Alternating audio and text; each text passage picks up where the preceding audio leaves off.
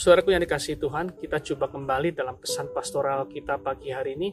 Saya beri judul Tujuan Hidup yang Sejati. Saya akan ambilkan dari 1 Korintus 9 ayat 23, demikian bunyinya. Segala sesuatu ini aku lakukan karena Injil, supaya aku mendapat bagian di dalamnya. Tidak tahukah kamu bahwa dalam gelanggang pertandingan semua peserta turut berlari, tetapi hanya satu orang saja yang mendapat hadiah. Karena itu, larilah begitu rupa sehingga kamu memperolehnya. Tiap-tiap orang yang turut mengambil bagian dalam pertandingan menguasai dirinya dalam segala hal, mereka berbuat demikian untuk memperoleh suatu mahkota yang fana, tetapi kita untuk memperoleh suatu mahkota yang abadi. Sebab itu, aku tidak berlari tanpa tujuan, dan aku bukan petinju yang sembarang saja memukul, tetapi aku melatih tubuhku dan menguasainya seluruhnya, supaya sesudah aku memberitakan Injil kepada orang lain, jangan aku sendiri tolak. Nah, saudaraku, tadi kita sudah menyaksikan tayangan klip di depan. Ada seorang petinju yang sangat luar biasa dan sangat terkenal, namanya Rocky Maggiono. Eh, Rocky Maggiono. Dia begitu hebat, ya, tidak terkalahkan. Seorang petinju, petinju kulit putih yang eh, sangat-sangat disegani oleh lawan-lawannya. Dia melatih dirinya, dia memiliki pukulan yang dikatakan sekeras batu, dan dalam setiap pertandingan dia tidak terkalahkan. Hampir 50 kali dia mengkau lawan-lawannya.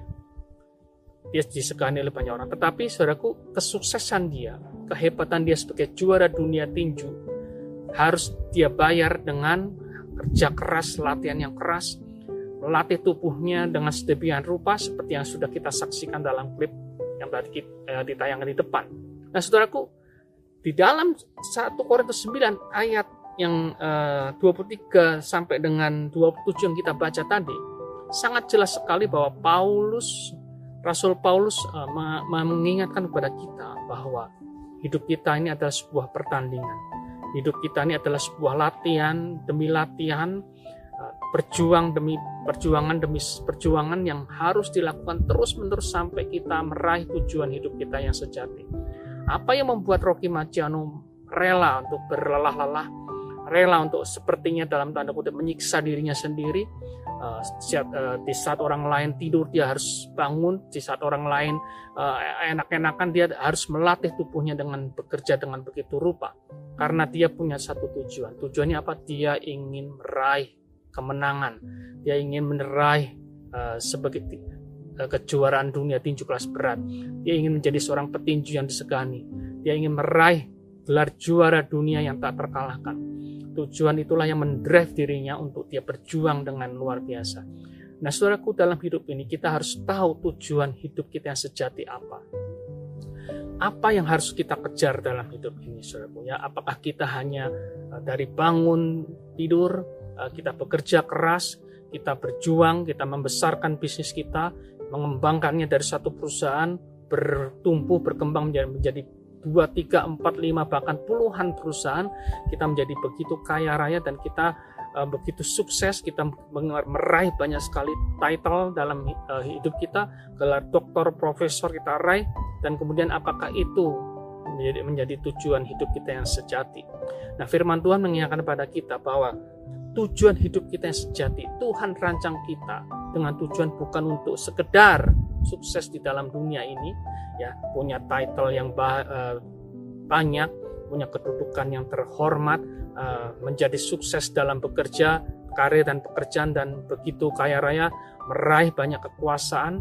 Semuanya itu dengan kasih dan anugerah Tuhan kalau kita berjuang bekerja keras, maka itu akan dilimpahkan seturut dengan kehendaknya, seturut dengan kasih karunia yang Tuhan limpahkan. Tetapi itu semua bukanlah tujuan hidup kita yang sejati, saudaraku. Tujuan hidup kita yang sejati adalah seperti yang tertulis di dalam ayat eh, 25 Tiap-tiap orang yang turut mengambil bagian dalam pertandingan, menguasai dirinya dalam segala hal, mereka berbuat demikian untuk memperoleh suatu mahkota yang fana.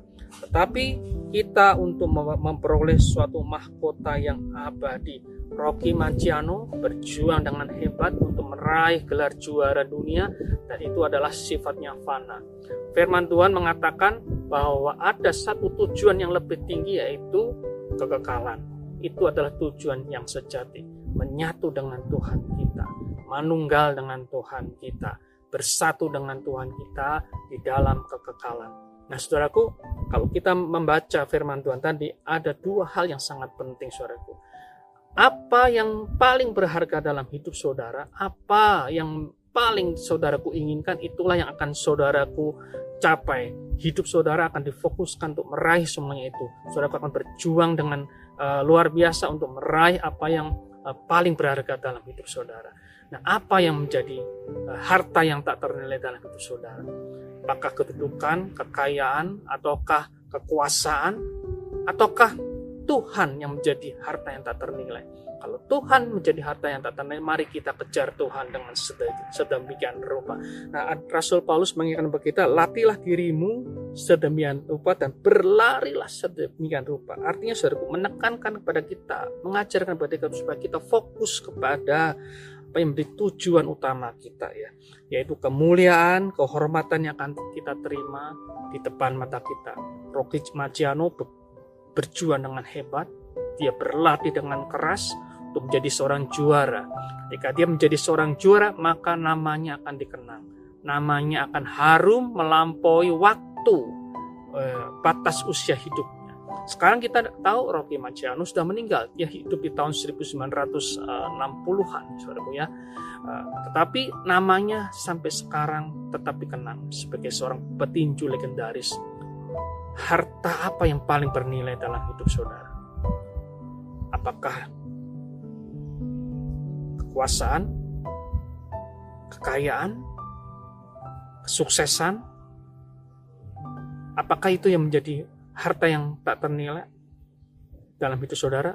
Kalau itu yang menjadi harta yang tak ternilai bagi saudara, saudaraku akan fokuskan hidup saudara dan mendorong hidup saudara untuk mencapai sampai akhir hidup saudara. Kita mendengar banyak orang begitu uh, dikuasai, diperbudak oleh mamon, ya, diperbudak, dikuasai, dibudakkan oleh kekuasaan, sehingga dia rela untuk melakukan banyak sekali kejahatan dan tipu daya untuk meraih kekayaan, untuk meraih ketenaran, untuk meraih kekuasaan apa yang menjadi harta yang sejati buat saudara?